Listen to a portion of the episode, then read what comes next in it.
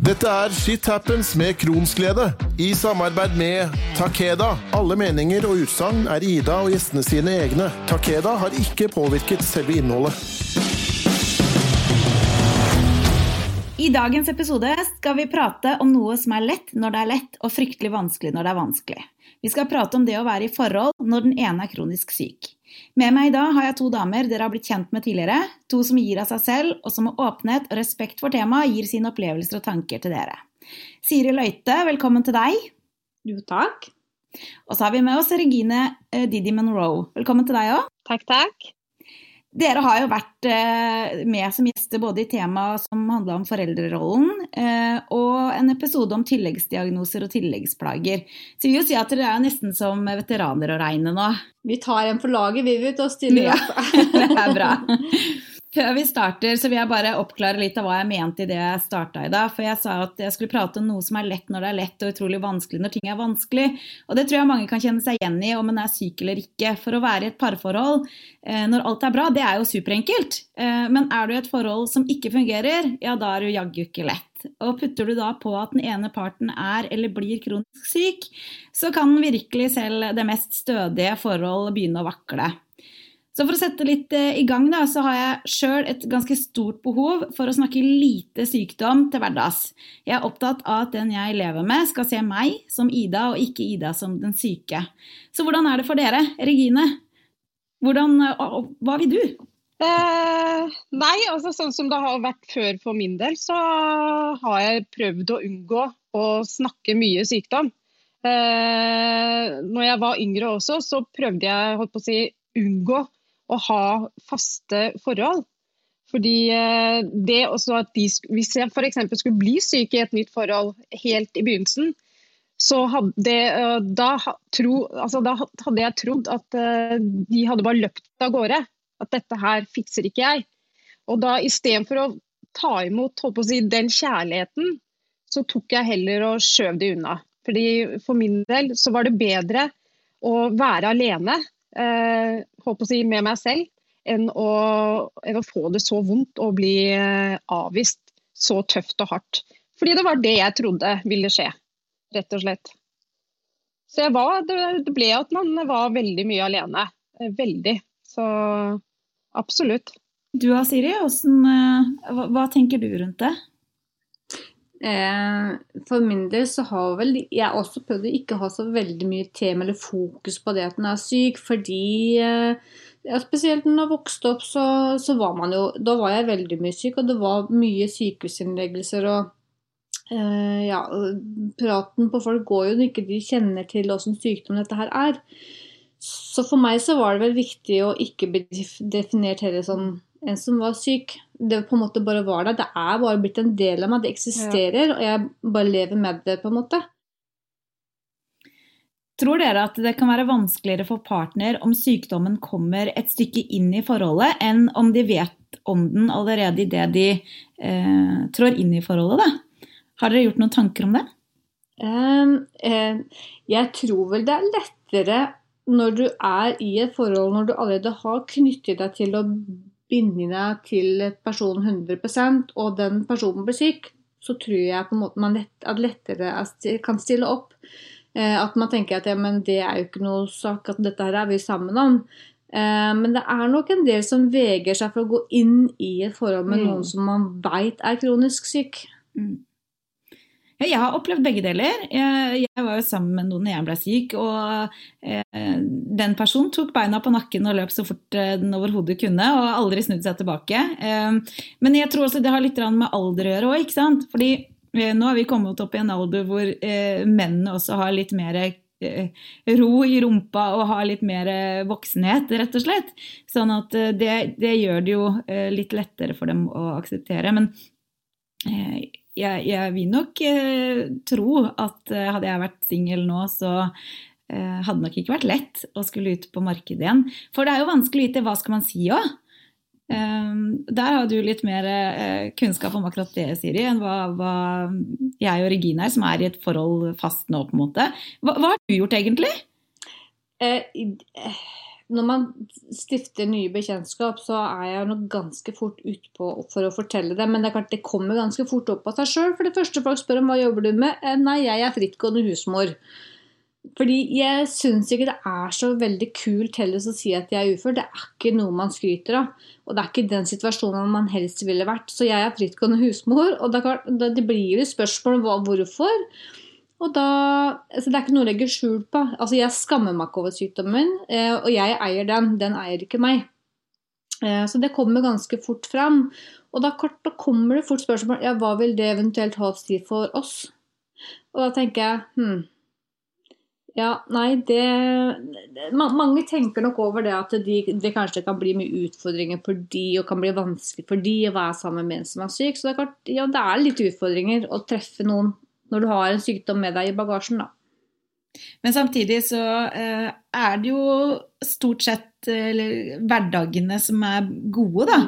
Eh, Regine, hva tenker du om dette Siri, Siri snakker om her?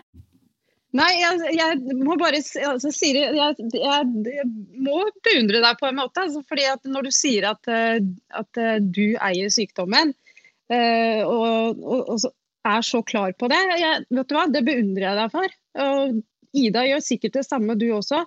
Men jeg er ikke der, altså. Eh, etter eh, nesten i hvert fall 35 år. Jeg prøver å si til meg at jeg er der, men jeg er ikke der. Altså, fordi jeg blir så forbanna når jeg blir syk. Jeg fikser det ikke, altså. Og jeg har prøvd å si det til meg, at den eier ikke meg. Og jeg tror at, eh, at jeg eier den, men da ljuger jeg. Fordi jeg ser på hvordan jeg reagerer når jeg blir syk.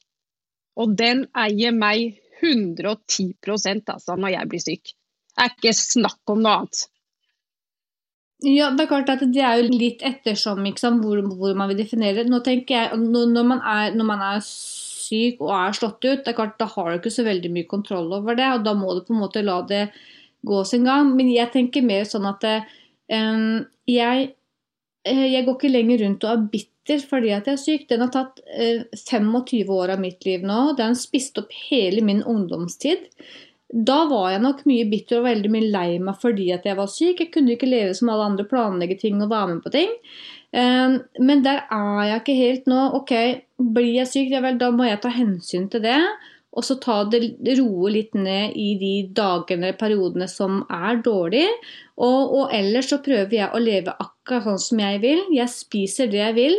Noen ganger tåler jeg det, og andre ganger tåler jeg det ikke. Men jeg lar ikke ting bare være fordi at man ikke skal spise det. Og det er det jeg mener med at jeg eier sykdommen fordi at jeg tar litt kontrollen der sjøl. Men er det ille, så da må jeg bare føye meg. Mm. Selvfølgelig, og jeg tenker at sykdommen har, mm. ja, For at sykdommen, når den er på sitt verste, så har vi jo ikke noe valg, noen av oss. Da, uansett hvor sterk du er, og uansett hvor hard du er, så, så ligger du da. Altså, er, sånn er det jo bare. Uh, men det er jo absolutt et, uh, et, tema som er verdt å diskutere. Uh, og når vi er inne på dating, da, så hva er viktig at den du dater, vet, da? er liksom Er det riktig at vi skal informere om alt, eller tenker dere at eh, noe er faktisk greit å ikke snakke om også? Jeg har eh, nok vært den som har holdt ting ganske lenge inne fram til jeg har kjent at dette her er noe jeg vil gå videre med. Eh, om det er riktig, det vet jeg ikke. Hva har dere tenkt? Jeg tenker at jeg hadde nok heller ikke fortalt om alle utfordringer rundt det, eh, alle de nedverdigelsene som vi kan risikere i en sånn fase. Det er ikke det du forteller om i en datingfase. Eh, da går det på en måte litt de grove trekka, da, eh, kan du si. Med at man kanskje ikke tåler mat, man kan få mye smerter og sånne ting. Og kan være uttappa for energi. Altså, det er jo mange ting som følger med. Men det er klart, det er mange aspekter man lar være fram til man på en måte er såpass trygg på det mennesket, da. Det er jeg enig i. Jeg, eh, altså Jeg er eh, litt sånn tøysete person. Eh, men jeg tøyser veldig mye fordi det er mitt forsvar. Men også fordi jeg er en sånn person. Så jeg er ikke Jeg har aldri vært flau over meg selv. Aldri. Så jeg er sånn eh, Hvis jeg skulle date, og det, jeg har gjort det også, det må jeg innrømme, eh, så har jeg faktisk fleipa selv og sagt at vet du hva, nå har jeg vært på do, ikke gå inn der, for jeg har skikkelig dårlig i magen, liksom. Og, og det lukter, men eh, magen min, jeg, den er ikke bra. Jeg har en sykdom, liksom. Så, og da finner jeg fort ut om den personen liker meg eller ikke. Men det er også en sånn der mekanisme for meg eh, som går begge veier. Blir han? Mm, ja vel, OK. Da mm. Forsvinner han etter et par dager? Det må tenkes med fordel også, vet du. ja, men altså, dette her er eh, min virkelighet. Ikke sant? Hvis, eh, altså man kan si at uh, man ikke går inn der fordi det lukter, f.eks. Eh, mm. Vår fordel er at vi har en unnskyldning for det. Hva med alle de andre Absolutt. som stinker møkk? Og de har ikke noen unnskyldning for hvorfor de stinker drit, altså.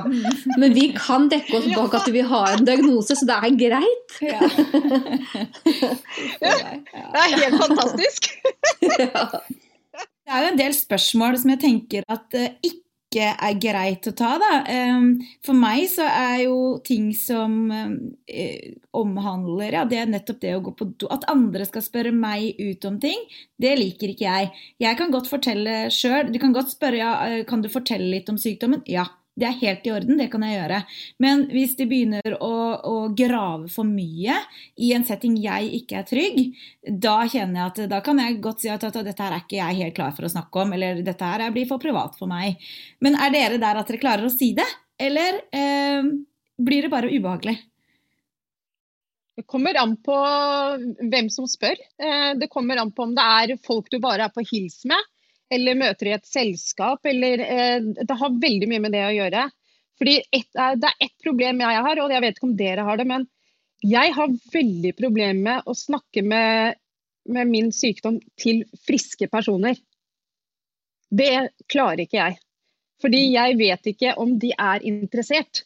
Fordi jeg føler at de spør høflig om hvordan har du det. Og da er jeg veldig sånn usikker. Spør de fordi at de bryr seg? Eller spør de for noe annet, liksom. Fordi de må. Nettopp. Og da, da bare avfeier jeg de med bare Nei, jeg har det kjempefint, jeg.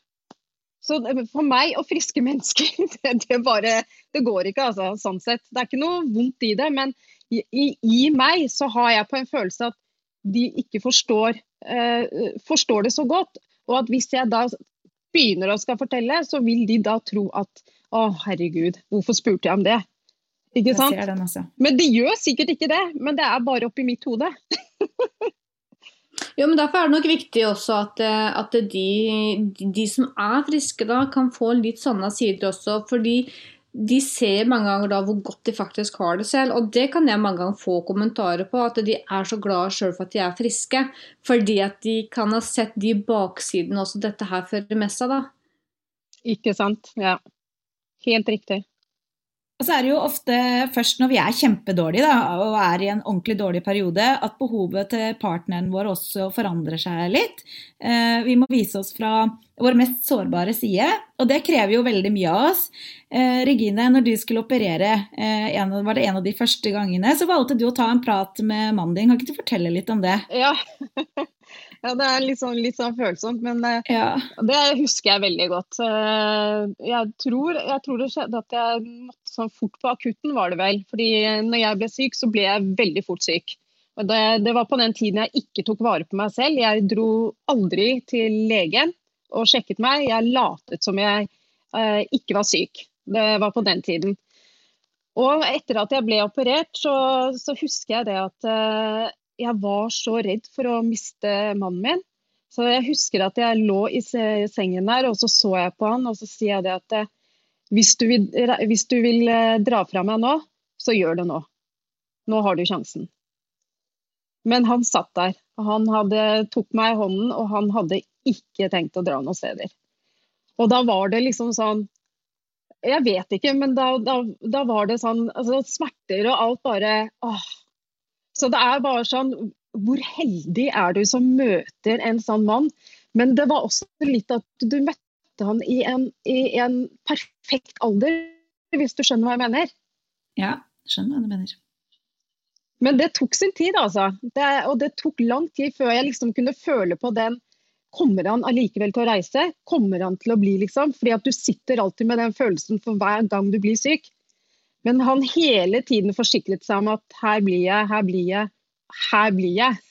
og jeg tror jo at eh, en er så redd for eh, at man i sitt mest sårbare da, eh, skal miste den som du elsker mest overalt på jord. Fordi at den viser seg fra en side som er på en måte overhodet verken pen eller lekker, eller altså du vet alt. Den, den føler seg jo forferdelig. Eh, og så blir det jo en sånn greie at vet du hva, hvis ikke du takler dette her, så vil jeg heller at du skal gå. En sier jo de orda, men en mener du altså egentlig ikke, så er jo det helt Nei, forferdelig å si. Ja. Er du gæren? Ja. Selvfølgelig. Bare ikke gå, vær så snill! men det er sånn som vi jenter òg, da. Vi kan si en ting, og så mener vi egentlig noe helt annet. Fordi vi mener at de burde skjønne at vi mener sånn. Ja. ja. Helt klart, altså. Men ja.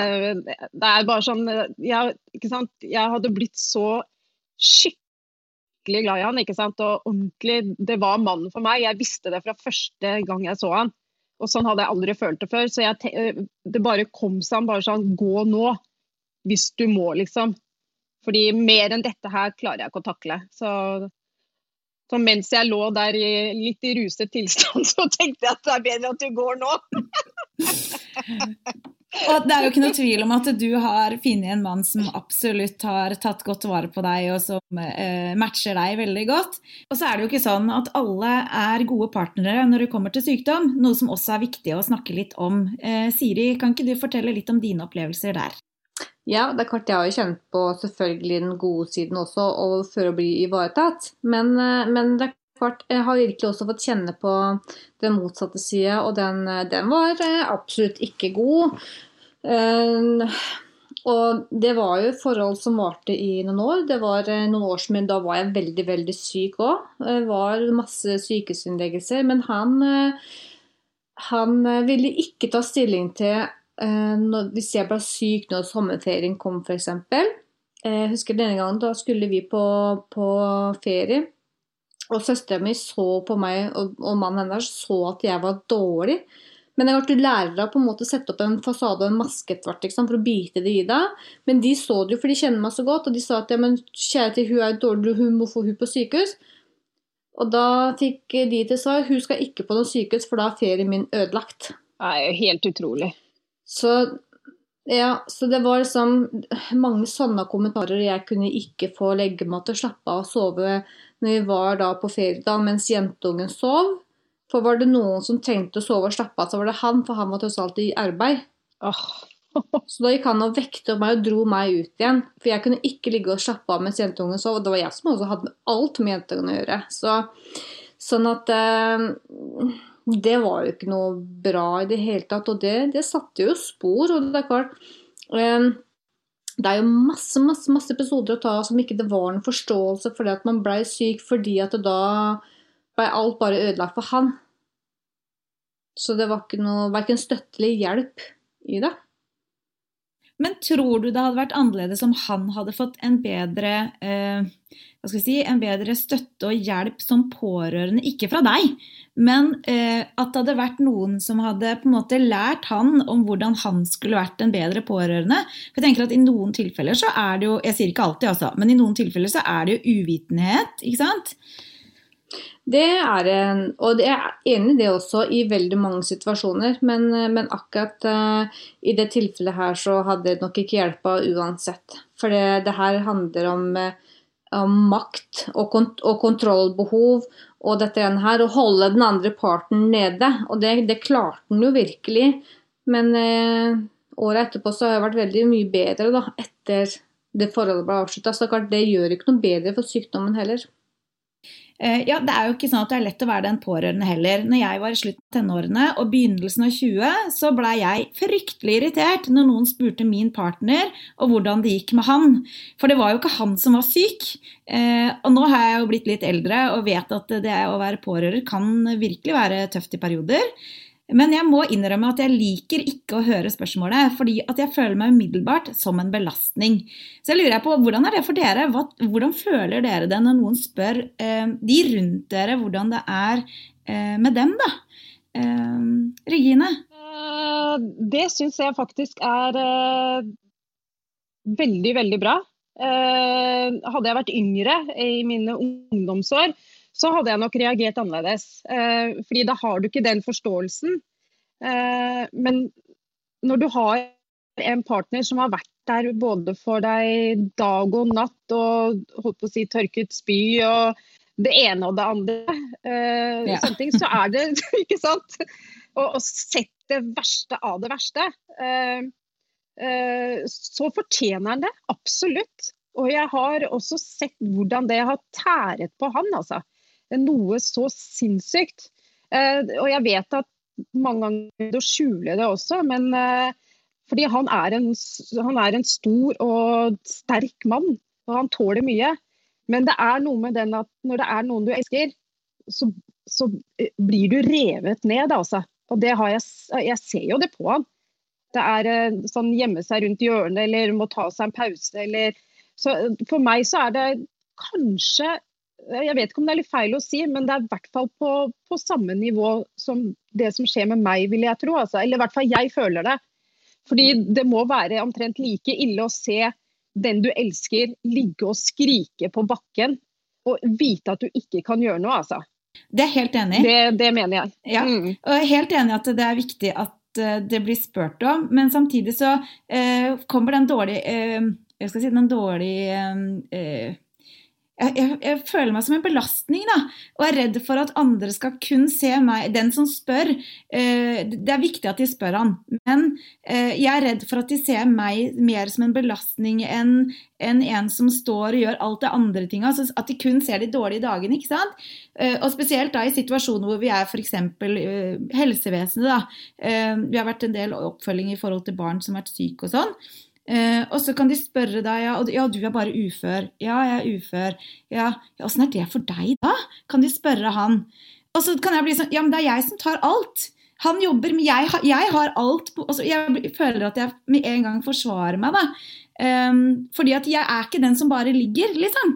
Uh, og selv om han liksom Der er jeg enig. Ja, selv om han kan på en måte si da at uh, Men jeg vet jo det.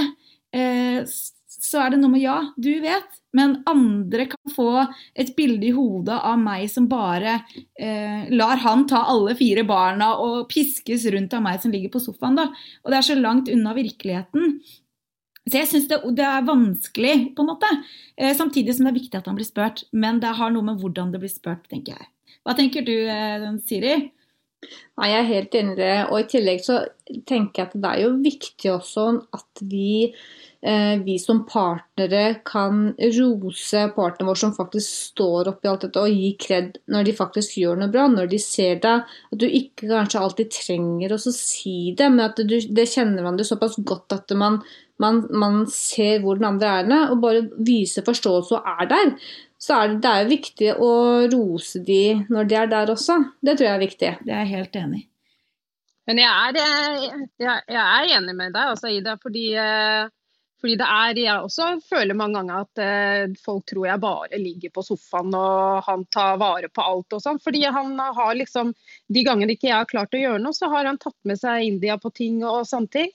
Så når det var skolegreier, og jeg ba til og med om å komme ut fra sykehuset lenge før jeg skulle, eh, og var med på dugnader på skolen og sto der i halvsvime og åpnet nesten eh, såret mitt pga. at her skal eh, ingen vite at han skal gjøre alt, liksom. Nei, og der har jeg, vært skjønner, også. Mm. Ikke sant? Så jeg skjønner deg veldig godt, ja. altså. Og det er nok en sånn indre redsel for at uh, de skal tro at jeg ikke uh, bidrar på en måte for barna mine. Barna dine er jo det kjæreste man har, og man ønsker jo å være en god mor, ikke sant.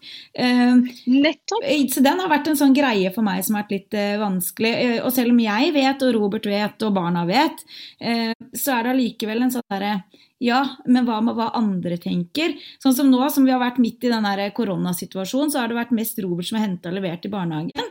Eh, og her om dagen så begynte jeg plutselig å tenke herregud, hva tenker egentlig de og meg nå? Som ikke har vært og henta. Jeg har jo gjort det hele tida, for Robert har jo vært i Oslo. Og så er ikke jeg der lenger. Nå må de jo tro at jeg bare ligger på sofaen. Og da måtte jeg ordentlig ta meg sammen og si at men kjære vene, pappa har jo like mye rett til å hente han som meg. Så det er jo, ja. Ikke sant. En blir litt skrudd i huet. Ja, men du blir det, altså. Du blir det. Mm. Men hva trenger vi av en partner egentlig i forhold til sykdommen vår? Eh, Siri, din perfekte partner, hvordan ville han vært i forhold til din kroniske sykdom da, vel å merke? ja, vet du hva, det er egentlig et veldig godt spørsmål. Eh, jeg tenker Det viktigste bare er at man er til stede. og er det, det, er ikke nødvendigvis at de trenger å gjøre noe, men ok, at de godtar at det, ok, så blir de ikke støvsugd da da. Eller så blir de ikke satt over den klesvaska. Ok, det er greit å ta av det en annen dag, eller så kan jeg sikkert hjelpe til med det, eller så bare lar vi det være. Men at ikke man krever noe av partneren sin når man er i en ja. dårlig fase. Jeg er helt enig. Eh, du da, Regine? Nei, altså jeg kunne ikke sagt det bedre selv. Uh, men det er, jo, det er, jo, akkurat sånn uh, jeg har det. Uh, selvfølgelig, man har jo sine dager. Absolutt. alt er jo ikke bare, det er ikke bare heaven her, for å si det sånn. Men, for, men også mye pga. at jeg gjør det uansett. For jeg klarer faktisk ikke å ligge i sengen og ha det vondt og, og, og bare ligge der, hvis du skjønner hva jeg mener. Jeg, selv om jeg er syk, så må jeg gjøre det. Så jeg kan gå sånn krype eller gå med kroppen bøyd forover. Og liksom ta meg, se ut som en gammel kone og gå og ta ut av vaskemaskinen og, og holde på og støvsuge. Og, med, fordi at jeg føler at jeg må gjøre det. Jeg også er sånn. Så det, det er litt med det å gjøre òg, altså at man vil gjøre det selv. Mm. Det har noe med den der eh, litt sånn skrudde oppi her på at man skal liksom bidra hele tida. Eh, for min del så må jeg jo si at det jeg setter mest eh, pris på i forhold til han jeg bor med, da, det er jo at han eh, klarer å se ting og hjelpe meg når ikke jeg klarer å si ting sjøl. Vi har vært i situasjon bryllup f.eks. Han var forlover, vi skulle være der lenge, og det var liksom alt var bra, men så uh, utpå kvelden så ble jeg dårlig. Uh, om det var noe jeg hadde fått i meg, vet ikke. Jeg tenkte at han var forlovet, så jeg måtte bare holde kjeft. Turte ikke å si noen ting. Men når jeg får veldig vondt, så blir jo jeg ganske stille. Og så får jeg svetteperler på nesa, og jeg blir liksom Du ser jo at jeg har vondt. og da husker jeg at han så liksom Jeg så at han begynte å se på meg litt fra avstand. og så Eh, kom han og så tok han meg i armen så sier han at vet du hva, nå, nå, skal vi hjem. Nei, nei, det går bra med meg. Og så sier han vet du hva, nå skal vi hjem, for nå trenger du å hvile. Oh. Og så trengte han ikke å si det til de. Han sa bare vet du hva, vi har barnefri nå, vi. Så vi drar hjem. Eh, for det har vi aldri, så nå, nå drar vi hjem. Wow. Og det for meg, det betyr så sinnssykt mye mer enn eh, roser og blomster og gud hjelpe meg. Um, for det å bli sett for de viktige tinga, samtidig som at du kan presses når du trenger å presses. Sånn som ja, dette her med å starte podkasten, da. Eh, jeg tenkte jo at dette, dette, klarer ikke jeg, jeg er ikke god nok til det. Men er det noen som heia på meg der, så var det i hvert fall han. Eh, så det er nok noe av de tinga som har vært viktigst for meg. Det er ikke de store tinga, det er de små tinga som, eh, som betyr noe. Og så er det klart at vi har også våre dager som virkelig er relativt dårlig. og sånn må det være. Ja. ja men det har jo alle. Ja. Det, jeg, jeg, tror det. Jeg tror man trenger den balansen uansett. Og det er jo ingen som kan gå imellom et helt samliv helt knirkefritt. Da, det, da må det være noe gærent. ja, da hadde jeg blitt irritert. Men hva er det vi vil at en partner ikke skal gjøre, da? Nei, det er nok litt det vi snakka om i stad. At uh, hva man ikke skal gjøre. Altså ikke krev eller forvent noe mye når man vet eller ser at partneren er dårlig eller har en dårlig fase. Bare, bare forstå det, liksom. Um, for, fordi det er jo noe med det derre Vi vil jo hele tida uh, føle at vi strekker til, og, og, det er jo bare det å gå gjennom det stresset da, med forventningspresset. Det kan jo også gjøre noe med en sykdomsfase som ikke står ut så bra. Så, så det at det å kreve noe på de fleste plan, faktisk, eh, i en sånn fase, det er no go, altså. Ja, det er jeg helt enig.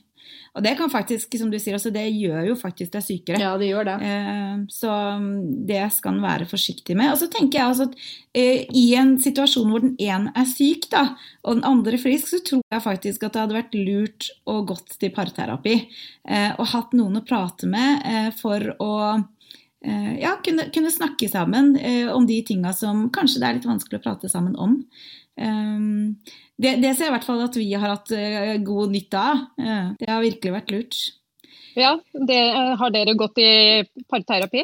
Vi har vært hos, eh, hos noen og prata, ja. Uh. Og så bra. Uh, og det er litt fordi at vi har hatt mange barn som har vært syke òg. Så vi har stått så mye oppi mange vanskelige situasjoner hvor vi som par har måttet virkelig bare blitt satt på sida. Vi har vært mamma og pappa til syke barn. og så har han vært kjæreste til syk, syk kjæreste, holdt jeg på å si. Ja. og da glemmer man jo alt annet. Så derfor så måtte vi på en måte Det var veldig godt å kunne få lov til å sitte hos noen og, og få lov til å si det du mente, uten at det blir feiloppfatta, eller nettopp. eh, Og hvor personen ved siden av kan si at ja, men hører du hva hun sier når hun sier at Ja. Ikke sant? For det, det er jo noen ganger at det vi sier, blir hørt som noe helt annet enn det vi prøver å formidle. da. Så det, det har vært veldig veldig fint, og det anbefaler jeg virkelig. altså Spesielt etter mange år. Det er jo fantastisk. Det er jo en kjempebra idé. Altså. Så det er faktisk noe alle burde tenke på. Jeg, jeg ser på meg selv også. Jeg er ekstremt dårlig til å, til å snakke. eh, Spesielt når jeg blir dårlig. Eh, Da vil jeg bare være alene. Eh, Da går jeg på rommet mitt, og så, ja, og så, så holder jeg helt munn. Og alle kan se på meg når jeg holder munn. Og så blir jeg kjempesur. Jeg blir ordentlig sur for den minste ting. Og, og så kommer gjerne Olle inn og spør hva er det for noe. Det, det, La meg være i fred! Og, ikke sant? og jo mer han spør, jo, sånn, jo mer irritert blir jeg. Og så skal han alltid snakke om det, da. Og det, det klarer jeg ikke. Altså, ikke da. Ikke ta det da. Nei, for det er jo noe med det. Akkurat da så er det Ja. mer enn nok av alt som foregår inni seg. Ja. ser, jeg, Når man er Ja. dårlig og er vondt, så, ja, men jeg ser den at uh, så jobber jo ja. kroppen. Men at det å prate mer, eh, for min del, at jeg kan være litt mer åpen for han, uh, det kan jeg. fordi at jeg ser at det, det blir litt mye for han nå, altså. Når jeg skal bare liksom ta den masken foran meg og ikke si et ord. Så eh, det er ikke noe dum idé, det der, altså. Men det er jo da kommunikasjonen er viktig, viktig eh, og det tror jeg er viktig fra dag én, men, men rundt de tingene at man eh, kanskje snakker om eh, med partneren sin, kanskje tidlig i forholdet, da, hva de kan forvente av deg som syk, og hva du på en måte forventer av de, eller hva de skal gjøre, sånn man vet det. Så når du da blir dårlig da, og trenger å stenge den, så, ok, så vet han det at ok, nå trenger hun bare ro, og så skal vi heller snakke om ting etterpå. Det er ikke meg som har gjort noe gærent nå, nå Ja, trenger ja, Regine bare å slappe av. Ja, Liksom. ja. Ja. Nei, det er kjempevanskelig. Men som alltid da, så går jo den tida med dere ekstremt fort. Eh, og at dette her er et tema som engasjerer, det er det jo ingen tvil om. Eh, å være pårørende det er jo ingen enkel oppgave. Eh, og vi forventer jo ikke perfeksjon her. Vi forventer at de gjør så godt de kan. Om du som nå hører på eh, er i et forhold som ikke er sunt, og så må du huske på at det er lurt å prate med noen. Eh, Og Mental Helse eh, har også et tilbud der du kan få lufta tankene dine om du ikke har noen andre du stoler på. Da er det bare å ringe 116 og 123. Eh, Og om du er pårørende og ønsker noen å prate med, så går det an å ringe noe som heter PIO-senteret på 22 49 19 22. Det er en organisasjon for pårørende uansett diagnose. For noen ganger så er det bare det å ha noen å prate med som er greia. Tusen hjertelig takk for at dere bidro med varme og åpenhet og kunnskap, Regine og Siri. Bare hyggelig, og vi stiller opp igjen, vi. Takk, takk. Å, det er så deilig å høre! Vi kommer tilbake. Takk skal dere ha. Om du som hører på har spørsmål om dagens program, eller har tips og råd til meg, så ta kontakt på kronsglede alfakrølloutlock.com. Du finner meg på Facebook på siden som heter Kronsglede. Om du liker sida, så vil du få tilgang til alle podkastepisoder. I tillegg legger jeg ut annen relevant info for oss med IBD. Jeg holder foredrag, er IBD-rådgiver og konsulent, så har du spørsmål rundt dette, så send meg gjerne en melding. På Insta finner du meg under navnet shithappens understrek kronsglede. Aller viktigst, husk å abonnere på podkasten, slik at du får varsel når neste episode kommer. Til vi høres igjen, et godt parforhold kommer ikke av seg selv, det må jobbes med. Og spesielt når det er sykdom involvert. Shit happens med Kronsglede i samarbeid med Takeda.